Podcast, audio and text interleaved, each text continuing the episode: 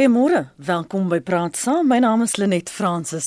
Die Chinese regering het voor die aanvang van die BRICS-beraad vandag onderneem om meer as 200 miljard rand tot die Suid-Afrikaanse ekonomie by te dra. Meer as 1000 afgevaardigers van Brasilië, Rusland, uh, Indië, China en Suid-Afrika sal die beraad in Johannesburg bywoon.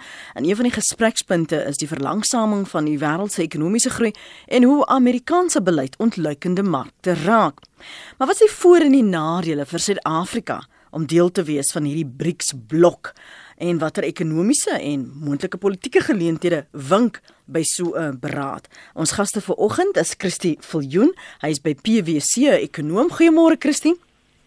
Goeiemôre net.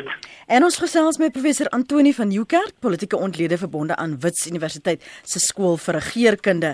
Goeiemôre professor, welkom. Baie dankie, goeiemôre. Uh, ek ek sou aanneem Christie as 'n mens uh, 200 miljard uh, belê, is dit soos die gas wat vir jou 'n geskenk voor die partytjie bring.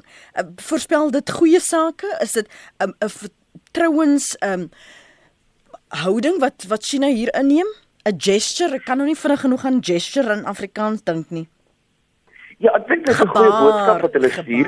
Uh hierdie tipe aankondigings word natuurlik gemaak by subjektiewe berade. Mm. Uh, daar sal natuurlik al maande en maande se werk in hierdie proses ingegaan het om hierby uit te kom, maar ek dink dit sê iets van hulle ingesteldheid in die oor oor die belangstelling in Suid-Afrika.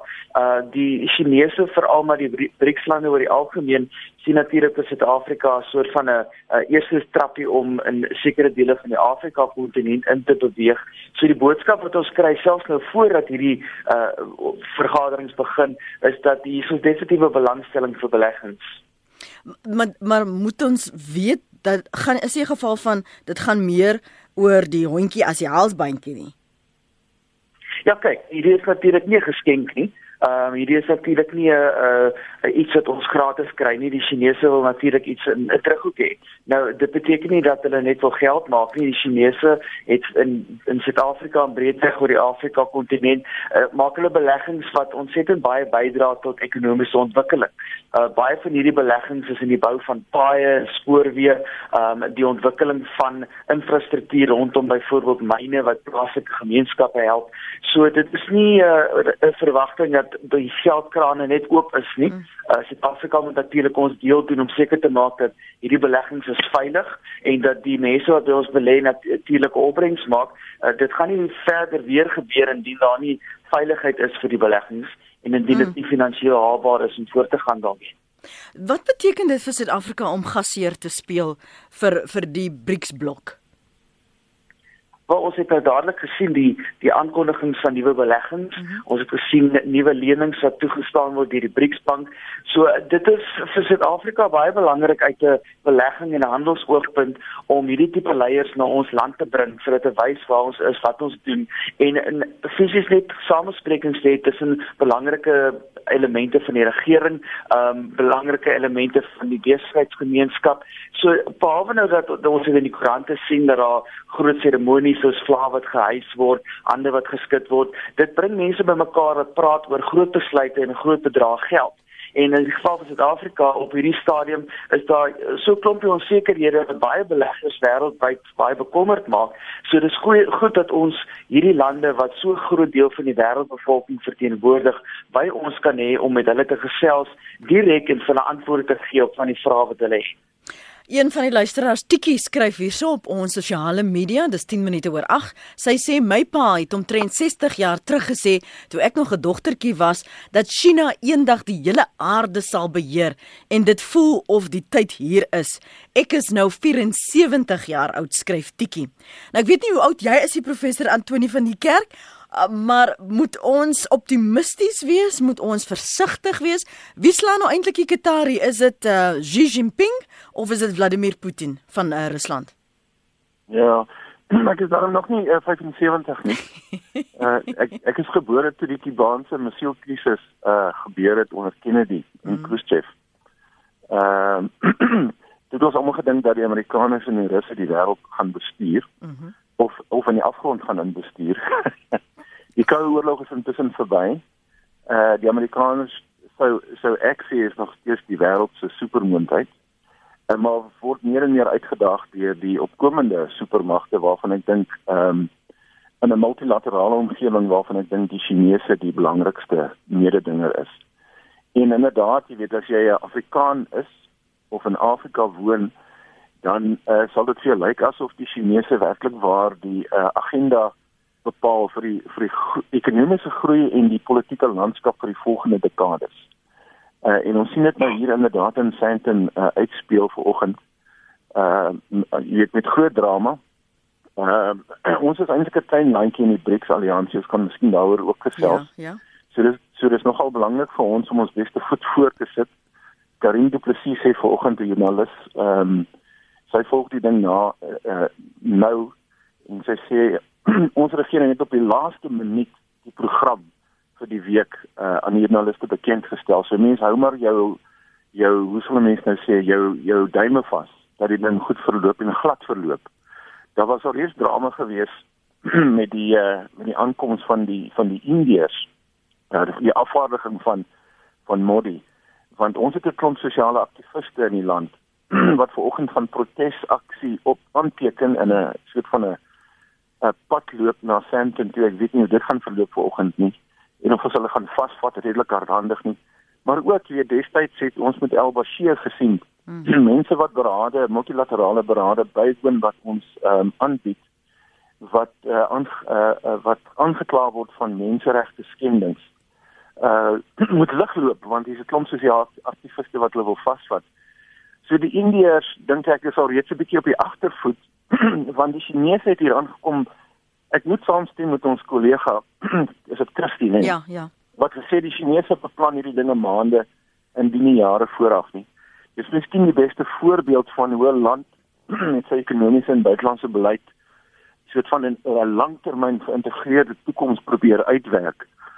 en nou kom hier aan hulle reeds ehm um, besoeke afgelê elders in Afrika waar dit belangrik is soos Rwanda wat 'n uh, opkomende -hmm. ekonomie en politieke speler in Afrika is. En uh, dit lyk asof as hulle asof hulle vir ons soort van geskenke en persente uitdeel, maar as deel van 'n versigtig uitgewerkte plan. Die Russe is 'n bietjie op die agtervoet want ek dink Putin en Trump sit met mekaar vas. En dit is en dit vat 'n bietjie van die glans van die BRICS-beraad weg en die die Indiërs dink ek uh, is op die agtervoet want hulle voel ongemaklik. Weet jy dis 'n super belangrike moontlikheid in terme van die invloed wat hulle uitoefen in die Indiese Oseaan en in groot dele van Afrika. En hulle kry nie eintlik die aandag wat ek dink ons hulle moet gee nie. En die arme Brasiliane maak nie eintlik groot indruk nie want dit is eintlik 'n land soos ons eie land wat vasgevall is in in korrupsie en ellende en hulle probeer desperaat daaruit kom. Ek kan verstaan as die Brasiliane 'n bietjie van 'n laer soort van profiel hou uh. -huh. by die BRICS-beraad Maar ek moet sê per slot van rekening uh, is die luisteraar wat nou vir jou geskryf het heel waarskynlik reg dat die toekoms deur die Chinese bepaal gaan word. So, hoe is dit dan dat Suid-Afrika so breë bors probeer sit tussen hierdie 5? Want jy het nou die die waarde hmm. uitgewys van Indië, van China en van Rusland. Oh, so nou, wat dra ons dan nou by? Wel ons hou lekker berade in Suid-Afrika het 'n lekker klimaat in die winter en mense kom na die tyd dan bly 'n bietjie aan vir die kleurwiltuin en die toerisme en so aan. En ons is verspreek van rekening is baie gasvry en vriendelike mense wat uh, mense gemaklik laat voel. Maar ek dink op 'n uh, as op 'n ernstiger noot Suid-Afrika probeer homself in die op die wêreldtoneel aanbied of voorstel as 'n Afrika speler as 'n diplomaat of 'n instelling of 'n land wat die belange van die kontinent op die hart dra. Met ander woorde 55 lande, 'n kontinent van omtrent 'n biljoen mense, 'n kontinent wat ryk is aan ehm um, aan grondstowwe wat groot ekonomieë soos die Chinese, die Indiërs, die uh, die Russe en die Brasiliane nodig het. En met ander woorde en daar is dan ook ontluikende uh investeringsgeleenthede en in Afrika as 'n afsetgebied vir die produkte wat hierdie ander lande aanbied. En dit is hoekom ek dink ons probeer om uh, om 'n groter rol te speel as wat die land uh, uh jy weet eintlik is. En uh ons nuwe president doen dit redelik slim want hy het 'n klomp ander Afrika leiers uitgenooi wat dalk 'n bietjie uh, jaloers sal wees op die suksesverhaal mm. van die BRICS alliansie en die manier waarop ons dit aanbied. So ek dink hy probeer hier covering his bases daar ook. En die laaste ding wat ek wil sê is uh Suid-Afrikaners is nie ehm um, skaam om uh, identiteitspolitiek te bedryf nie. Met ander woorde, ons ons neem deel aan die aan die prosesse en die diskurs wat sê dit dit hoef nie meer so te wees dat die Europeërs en die Amerikaners, mm, die wit mm. mense in Europa die die die konture, die die rigting van die toekoms van die wêreld hoef te bepaal nie. Die globale suide, die ontwikkelende wêreld, ehm um, ons loop baie om te sê en dit is ons nuwe vriende en ons werk saam met hulle. Kirsty, ek weet jy het net nou verwys na dat dit nie net gaan oor vrygewig wil wees nie, eh, China se gebaar nie, dat dit gaan oor paaie, dit gaan ook as amper soos 'n deurgang na die res van Afrika, maar as die Chinese so goed strategies beplan en ek neem aan Rusland doen dit ook. As jy juis kyk die die um, dans wat hulle met Amerika op die oomblik het, wat is die aantekeninge wat hulle maak? Rusland Indië en dan nou uh, spesifiek China oor Suid-Afrika. Wat, wat is die moontlikhede? En is daar 'n konflik tussen wat Rusland en China soek? Of sê ons, okay ouens, ons kan nie almal dieselfde been hierso lekkie, maar vat jy daai stuk en ek vat daai stuk? Ja, ek dink die die ander lande is wel bewus dat soos Antoni gesê het, Suid-Afrika is eintlik maar 'n klein ekonomie teenoor die grootte van byvoorbeeld China en Rusland.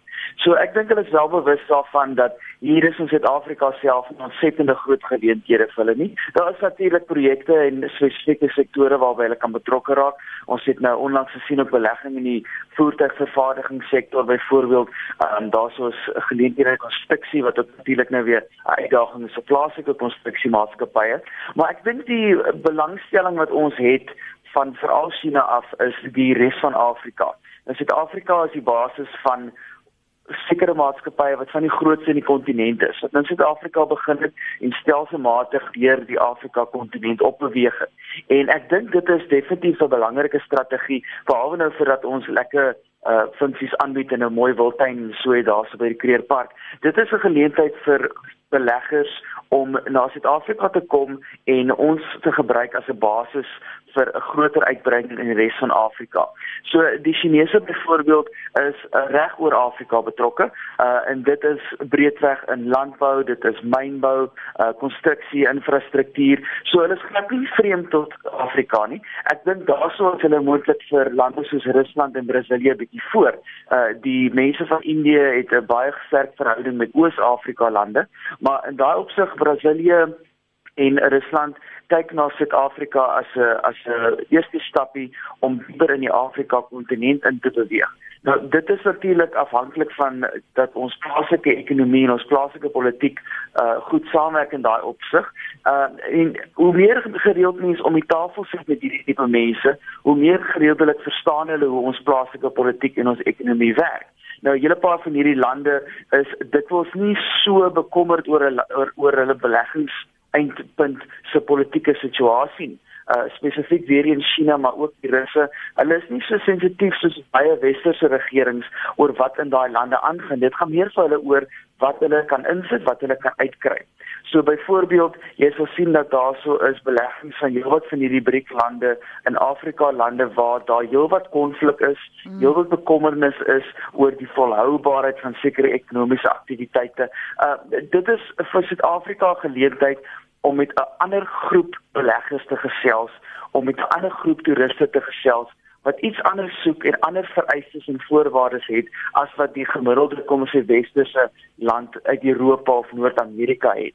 So dit gee vir ons die geleentheid amper om uh, ons ons portefeulje van belangstelling dis diversifiseer. As ons enige tyd praat met iemand wat betrokke is by finansiële beplanning, dan sê hulle altyd diversifikasie. Mm. Ons kan nie net in een hoekie bly of by een groepie bly mm -hmm. of fokus op een area nie. Hierdie gee vir ons die kans om baie breed te werk, meer mense te lok, meer geleenthede. In Suid-Afrika is nou maar vir eens en vir altyd baie afhanklik van internasionale belegging. Ons is soos hulle sê 'n klein oop ekonomie. Ons het geld van buite nodig om onsself te groei. So dit is vir ons baie belangrik om hierdie tipe berade, amper so gereeld as moontlik te probeer hou om konstruktiewe gesprekke aan die gang te hou.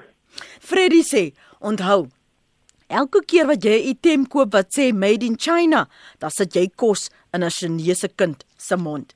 Dis Freddie se mening. Baie van julle wat verder wil gesels oor die daardie Chinese belegging, een wat sê wat staan in die fynskrif, hoeveel Chinese moet aan die infrastruktuurprojekte kom werk en is ons gebind aan die Chinese regering. Ons gaan nou-nou verder daaroor praat. Kom ons hoor eers wat sê ons luisteraars op die telefone.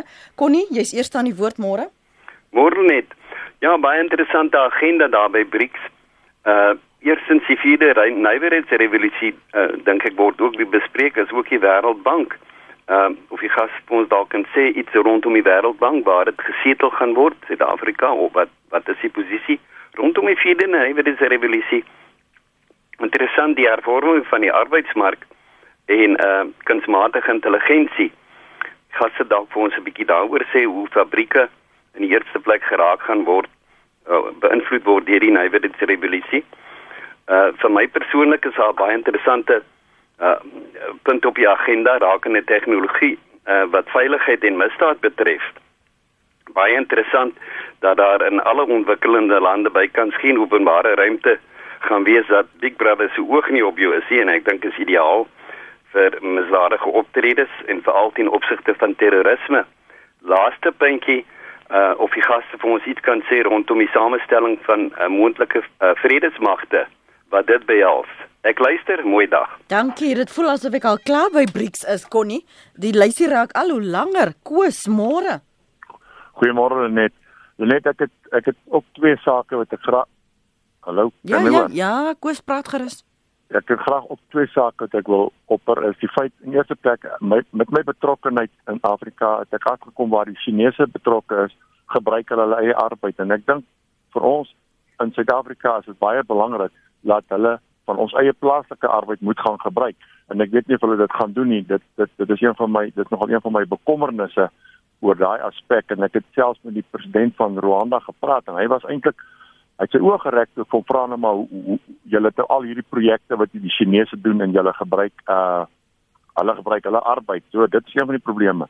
En dan die ander ding wat ek graag wil noem is as ons gaan kyk binne in Suid-Afrika, al jou kleiner winkeltjies en almal is baie van hulle is Chinese en hulle hulle hulle hulle snaakse gebruik hulle bly sommer in hulle winkel en ou weet nie watter bydrae maak hulle tot die fiskus en staatskas in terme van belasting en al daai soort van dinge nie. So dit dit klink baie goed. BRICS klink goed en mense wil nie sê mense moet deel daarvan wees nie.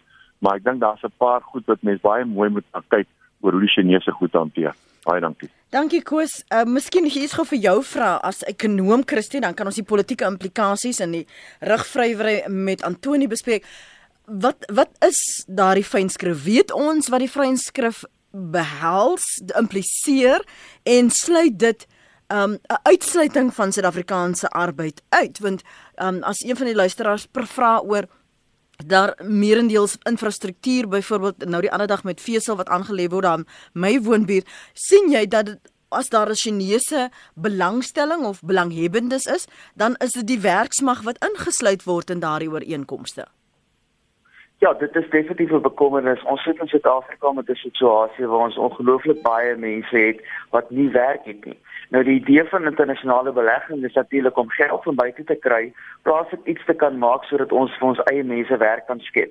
En dit uh, inbeller is heeltemal korrek in in die res van die Afrika kontinent sien jy baie dikwels jy sal sien dat daar so 'n projek wat deur die Chinese gefinansier word en dan kom 'n Chinese konstruksiemaatskappy in en bring meestal van hulle eie werkers. Nou dit is 'n probleem en dit is iets wat ek dink al redelik daar's 'n redelike faktor waar dit aangespreek word. Ons sien al hoe meer dat Afrika regerings vereistes stel vir hierdie tipe projekte waar ja, daar kan Chinese werkers ingebring word, maar daar is ook vereistes om plaaslike werkers nie te gebruik nie, maar opleiding ook. So dit dit skep 'n voordeel deurdat die werkers het 'n geleentheid om vir 'n sekere tyd te werk te hê en dan ook vaardighede op te bou. So die verantwoordelikheid in Suid-Afrika se opsig is dat ons met ons rug styf maak in hierdie in, in so 'n situasie. As ons internasionale belegging wil hê, moet ons breër dink as hierdie geld wat inkom. Ons moet dink aan aan werksgeleenthede en ook vaardighede. Nou dit is definitief iets waarna ons regering kyk, byvoorbeeld die departement van handel en industrie. Dit is deel van 'n groot beleggingskontrakte dat sekere hoeveelheid Suid-Afrikaanse werkers gebruik moet word. Nou aan die ander kant is natuurlik soos die inbeller sê, uh die hoeveelheid Chinese mense byvoorbeeld wat in Suid-Afrika klein winkeltjies en klein besighede het. Uh daar is baie grys areas oor presies hoeveel en hoe baie hulle bydra tot die ekonomie is. Dit is natuurlik die ander kant. Ons sien gereeld in Afrika lande ook dat werkers kom saam met so 'n projek en dan bly hulle agter daarna. Dis nou werkers van China byvoorbeeld. Hulle kom, hulle werk vir 3, 4 jaar op so 'n projek, dan bly hulle agter, hulle vestig hulle families, hulle moet staker in by die plaaslike gemeenskap en dan maak hulle hierdie klein winkeltjies oop. So dit is nog 'n rede hoekom daar baie kommernis is oor hoeveel werk van buite af ingebring word. Hmm. En soos ek sê in Suid-Afrika se geval, ons het dikwels op baie keer regulasies en reëls oor die tipe werkers wat gebruik word in plaaslike besighede. Ons moet dit verseker toepas wanneer dit kom by internasionale beleggings ook. Dis al hoe ons werklik gaan voorkom. Dis al hoe ons werklik dit gaan regkry om mense se vaardighede op te bou. Uh, dis 'n kwessie waarmee ons persoon waarmee ons plaaslik baie sukkel om vaardighede te bou. As ons internasionale beleggings kan gebruik om dit te doen, dan gaan ons land net soveel beter af. En die verwysing van Connie en vra oor oor die Wêreldbank en van die luisteraars het intussen gebou nie op lig aan nie maar gevra die implikasies van die terugbetaling van daardie die rente vir Suid-Afrika aan China en hoe dit bepaal word. Ja, ons het natuurlik gesien dat die nou lenings amper nie se uitgedeel word nie. Hier is 'n hele paar lenings onlangs deur China toegestaan en van die uh BRICS banke in algemeen. Ehm uh, die kwessie is dat hierdie is 'n tipe van 'n lening tussen een land en 'n ander land, maar dit is dit ons 'n uh, maatskappy of 'n spesifieke bank wat dit doen uit byvoorbeeld China uit aan 'n sekere groep of maatskappy of staatsbestelling in Suid-Afrika. Nou dit is 'n tipe van finansiering. Daar's baie maniere om 'n projek te finansier en dit wels het dit te doen met die uitreik van effekte of aandele of net die eenvoudige teken van 'n lening waarop jy rente betaal. So ongelukkig in hierdie geval ja, die rente verlaat ons land die rente gaan terug na China toe. Hulle maak 'n wins daarop.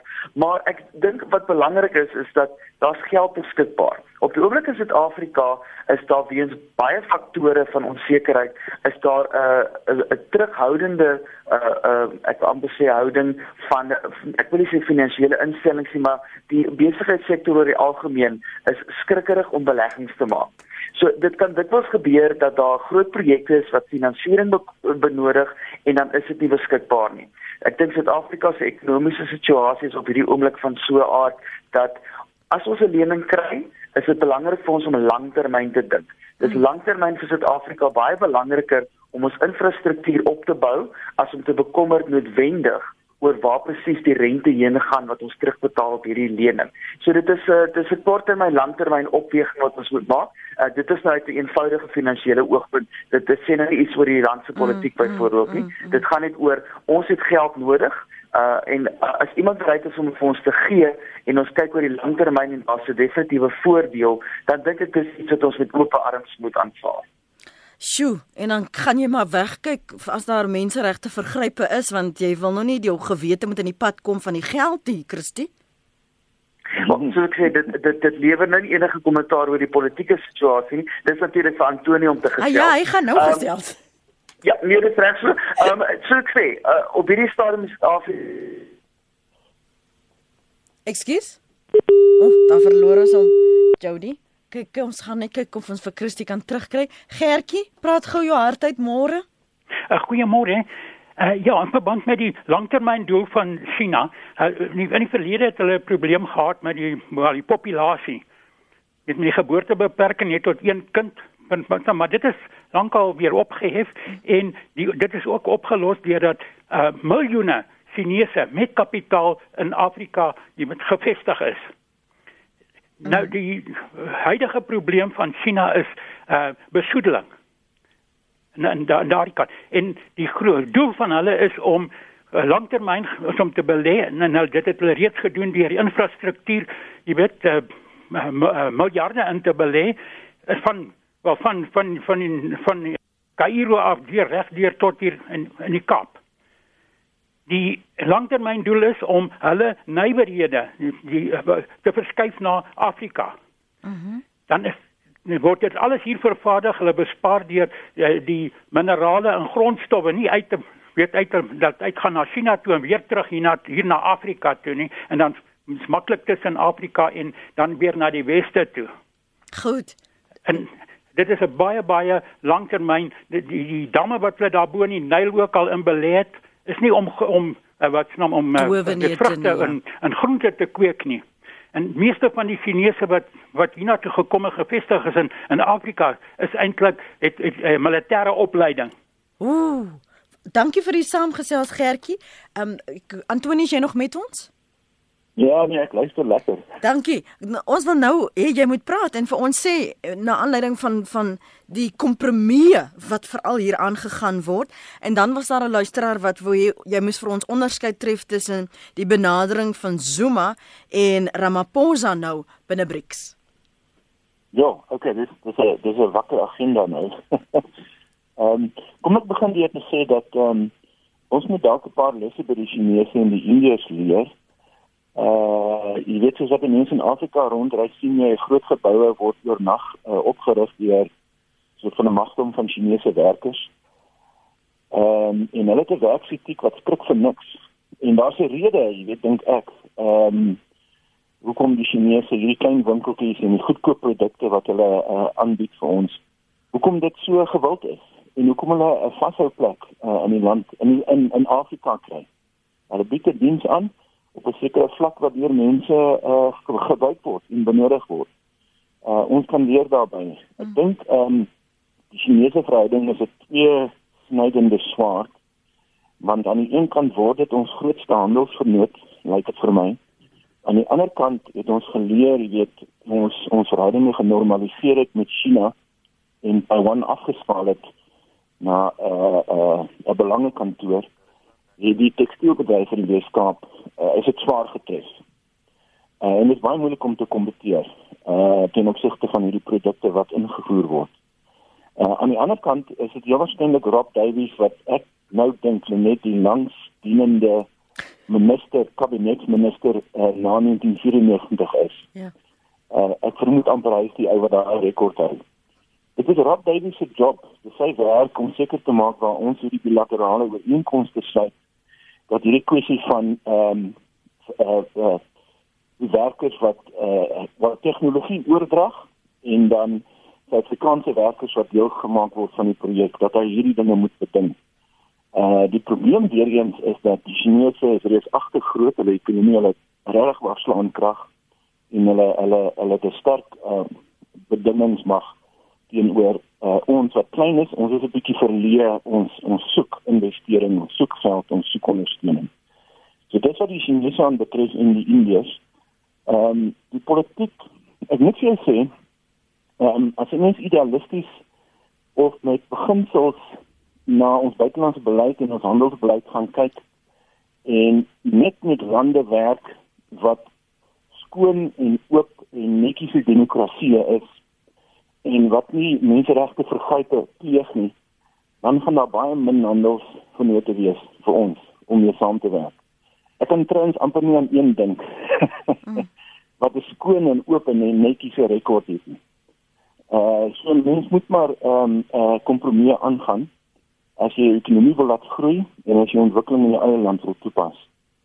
Ehm um, ek dink BRICS gaan ehm um, uh sou aandag moet gee aan uh, aan die vierde industriële revolusie aan die internet van dinge aan die outomatisering van werk hm. die impak in die ontwikkelende wêreld van ehm um, van digitalisering en hoe dit die werk mag gaan beïnvloed en ek dink vir ons as Suid-Afrikaners is dit super belangrik om te verstaan hoe moet ons ons onderwys op laerskool, hoërskool en tersiêre onderwysvlak aanpas om hierdie golf van outomatisering en digitalisering die hoof te bied of aan te pas of ons ons 'n manier van dink en werk aan te pas daarbey.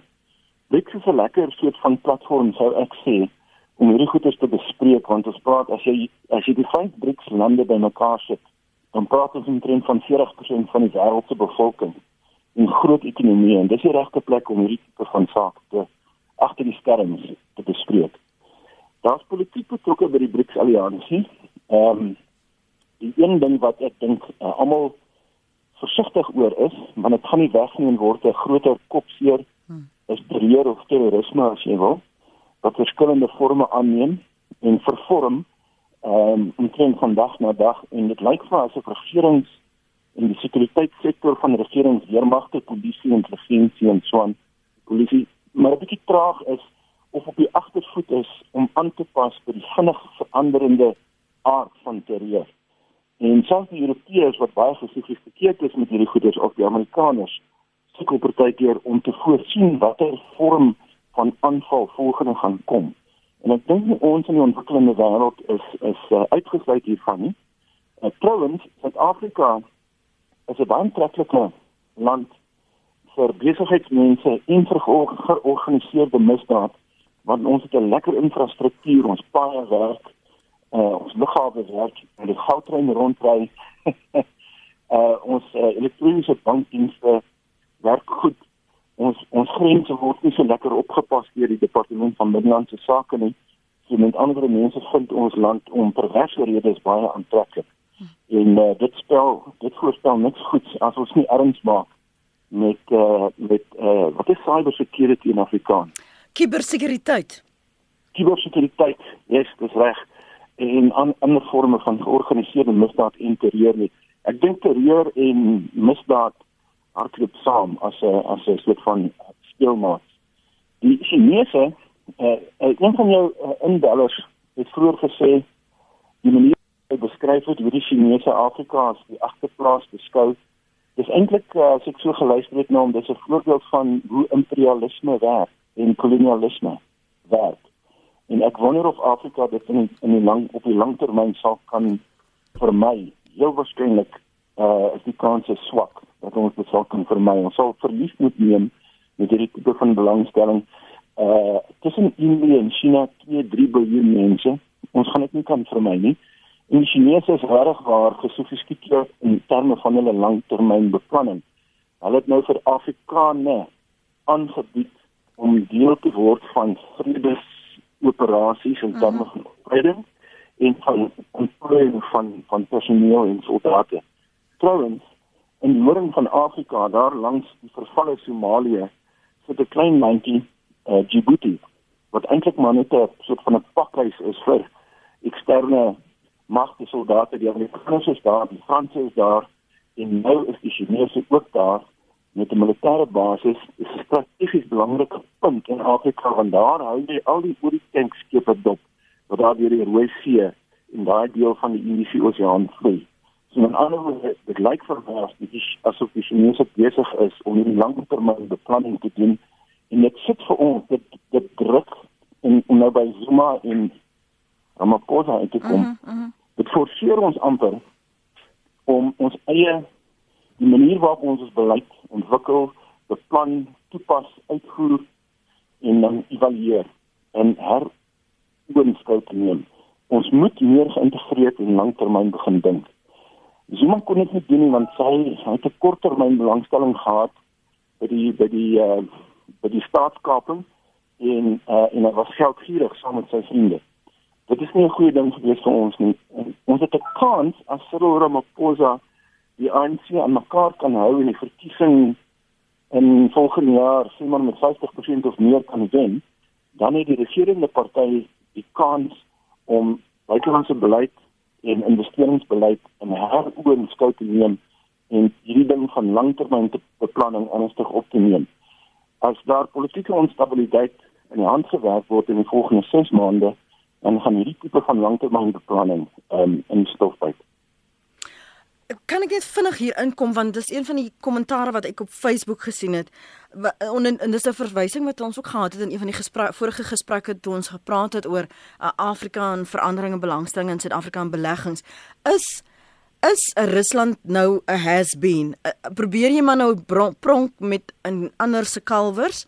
Want ek sien 'n hitsmerk Putin Mina, wanneer wanneer gaan wat gaan hulle bydra?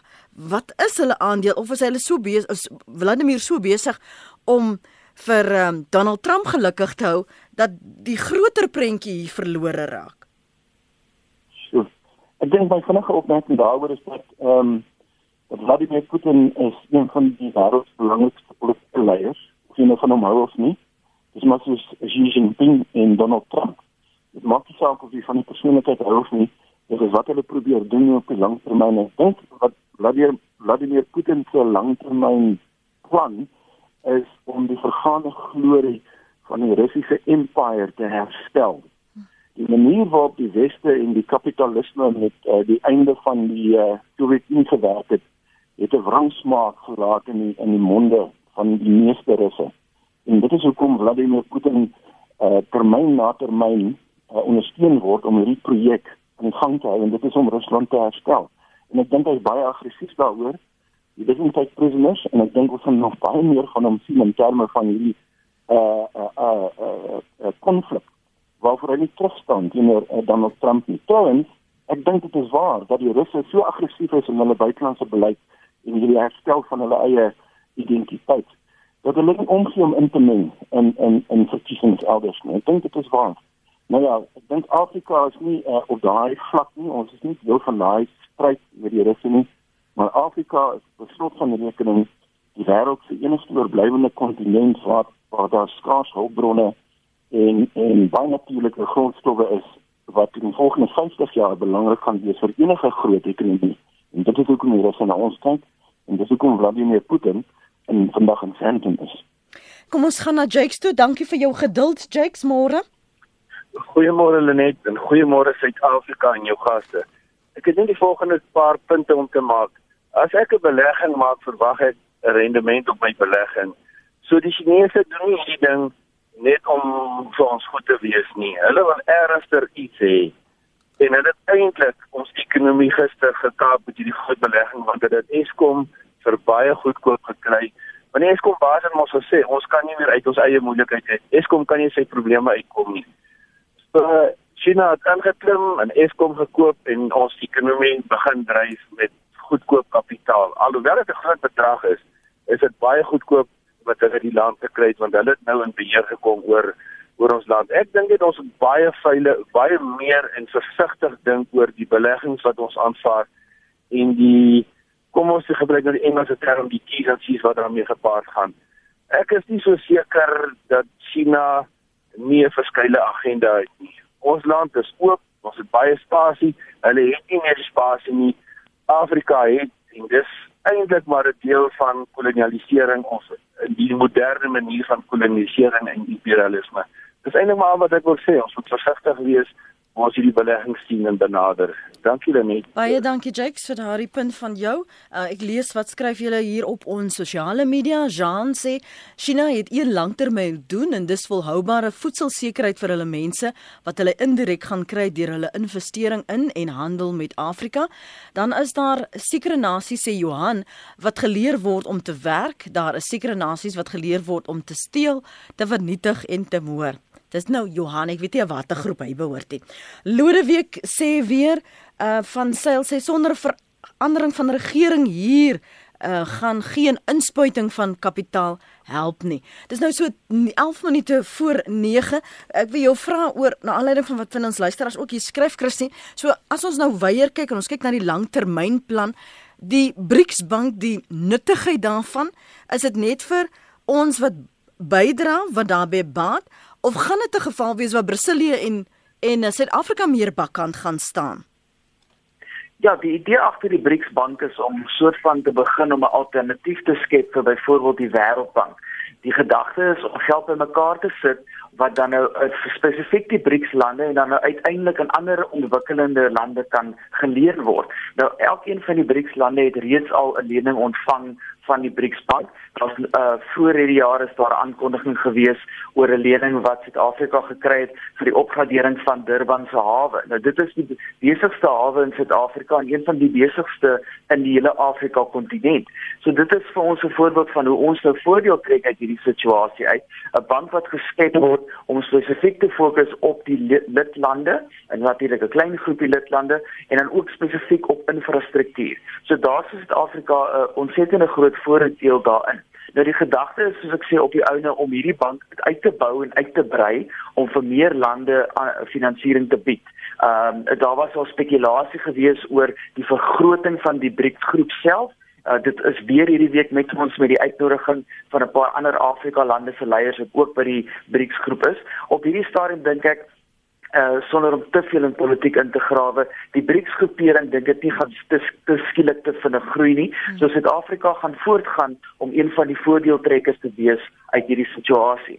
So die lenings wat ons nou reeds hierdie jaar gesien het wat aangekondig het is uh ongeveer dit was die 2.6 miljard vir daai vir Durban projek. Ons het nou gehoor hierdie week van 4 miljard wat gaan na groen energie. Uh daarso is 'n moontlikheid dat dit dalk selfs kan verder groei hierdie jaar nog lenings ontvang. So ek dink die situasie waar Suid-Afrikaans bevind om deel te wees van hierdie groep wat so 'n instansie op die been te bring het, is is verskriklik voordelig. Dit is 'n manier vir ons om finansiering nou te kry As ons dit goed spandeer en goed bestuur, dan kan dit net daarop verder groei. Dit kom weer eens terug na die punt van jy met jou finansiering vir enige projekte moet jy diversifiseer geïnvesteer. Ons het nou hier 'n geleentheid om gebruik te maak van 'n ontwikkelingsbank wat nie ek wil amper sê tradisionele bron van finansiering is nie.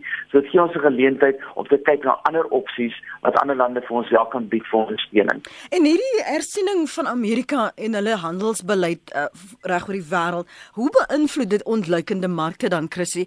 Watter hoop is daar as jy sien dat die Amerikaanse regering in 'n spesifieke rigting nou inslaan? Ja, die rigting wat hulle tans inslaan is natuurlik redelik kommerwekkend. Uh dit is maklik om te sê dit is nou 'n sogenaamde handelsoorlog tussen Amerika en China, maar kom ons dink gou hieroor. Amerika is die grootste ekonomie in die wêreld, so dit het 'n groot impak op die globale ekonomie en dis ook Suid-Afrika want ons is afhanklik van handel met ander lande. China is die tweede grootste ekonomie in die wêreld en ons grootste handelsvernoot. So daarso is nou weer 'n effek op Suid-Afrika. So dit is eenvoudig om nou te praat oor wat tussen Beijing en Washington gebeur, maar dit het moontlik direkte impakte op Suid-Afrika se handel byvoorbeeld, as ook ander spesifieke industrieë en bedrywe. Uh, ons gaan sien dat die Amerikaners en die Chinese gaan kyk na die die verhoging van invoertariewe op sekere produkte. Dit affekteer die pryse, dit affekteer die vraag en die aanbod en dit het wêreldwye implikasies. So dit is ons 'n groot bekommernis is iets wat ook natuurlik 'n negatiewe impak het. Enige tyd wat Donald Trump nou 'n tweet uitstuur oor uh oor iets wat te doen het met China, dan is daar 'n bietjie van 'n skrikking in die finansiële markte. En dit het 'n negatiewe impak op die rand. Ons het gesien die afgelope paar maande dat die brandstofpryse aansienlik verhoog. 'n Gedeelte daarvan is weens hoër oliepryse, maar 'n gedeelte van dit is ook weens 'n swakker wisselkoers. Nou ons as Suid-Afrikaners het bitter min beheer oor die waarde van die rand dit word dikwels internasionaal bepaal en dit is dus die die uh, die tweets wat Donald Trump uitstuur die gesprekke wat hy hou die toesprake wat hy maak wat baie keer 'n dollar laat versterk en dan die rand laat verswak. So daar's baie dimensies rondom hierdie handelsoorlog wat in baie opsigte niks met ons te doen het nie, maar in ander opsigte ontsettend baie met Suid-Afrika te doen het wat tans reeds 'n brose ekonomie het. Mm.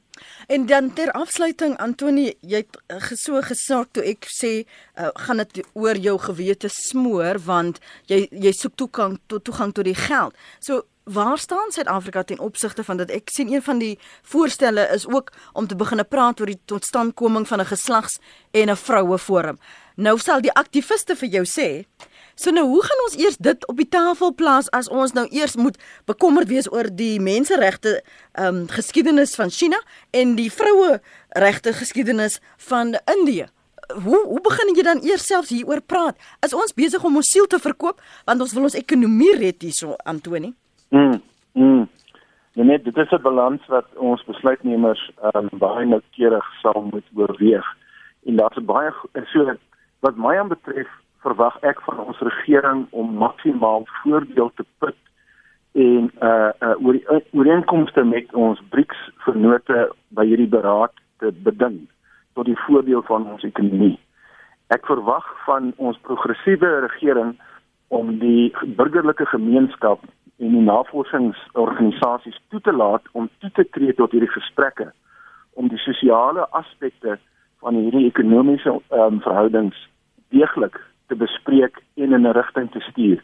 Ek dink een van die redes hoekom Suid-Afrika internasionaal bekend is, uh, is ons is ons sosiale aktivisme en ek dink uh, die regering moet hierdie ouens wat nou besig is om te mars vandag of môre moet hulle toelaat en daai stem is super belangrik. Die laaste ding wat ek wil sê is die die grootste voordeel wat ons as 'n land uit hierdie BRICS alliansie of 'n noodskap kan trek uh, is as ons met 'n Afrika stem na hierdie berade toe gaan en deelneem op 'n kontinent kontinentale vlak. En dit gee ook vir ons dan ook die geleentheid om ons eie buitelandse beleid te heroriënteer sodat ons uh met met met respek en met gesag kan praat as Afrikaners as ons deelneem aan hierdie groter prosesse. Interessante tye wat ons beleef in ons land en die toekoms wat dit vir ons inhou. Baie dankie vir julle insigte vanoggend. Ek waardeer julle uh, deelname. Dis professor Antoni van Niekerk, politieke ontleder verbonde aan Wits Universiteit se skool vir regeringskunde en Christie Viljoen.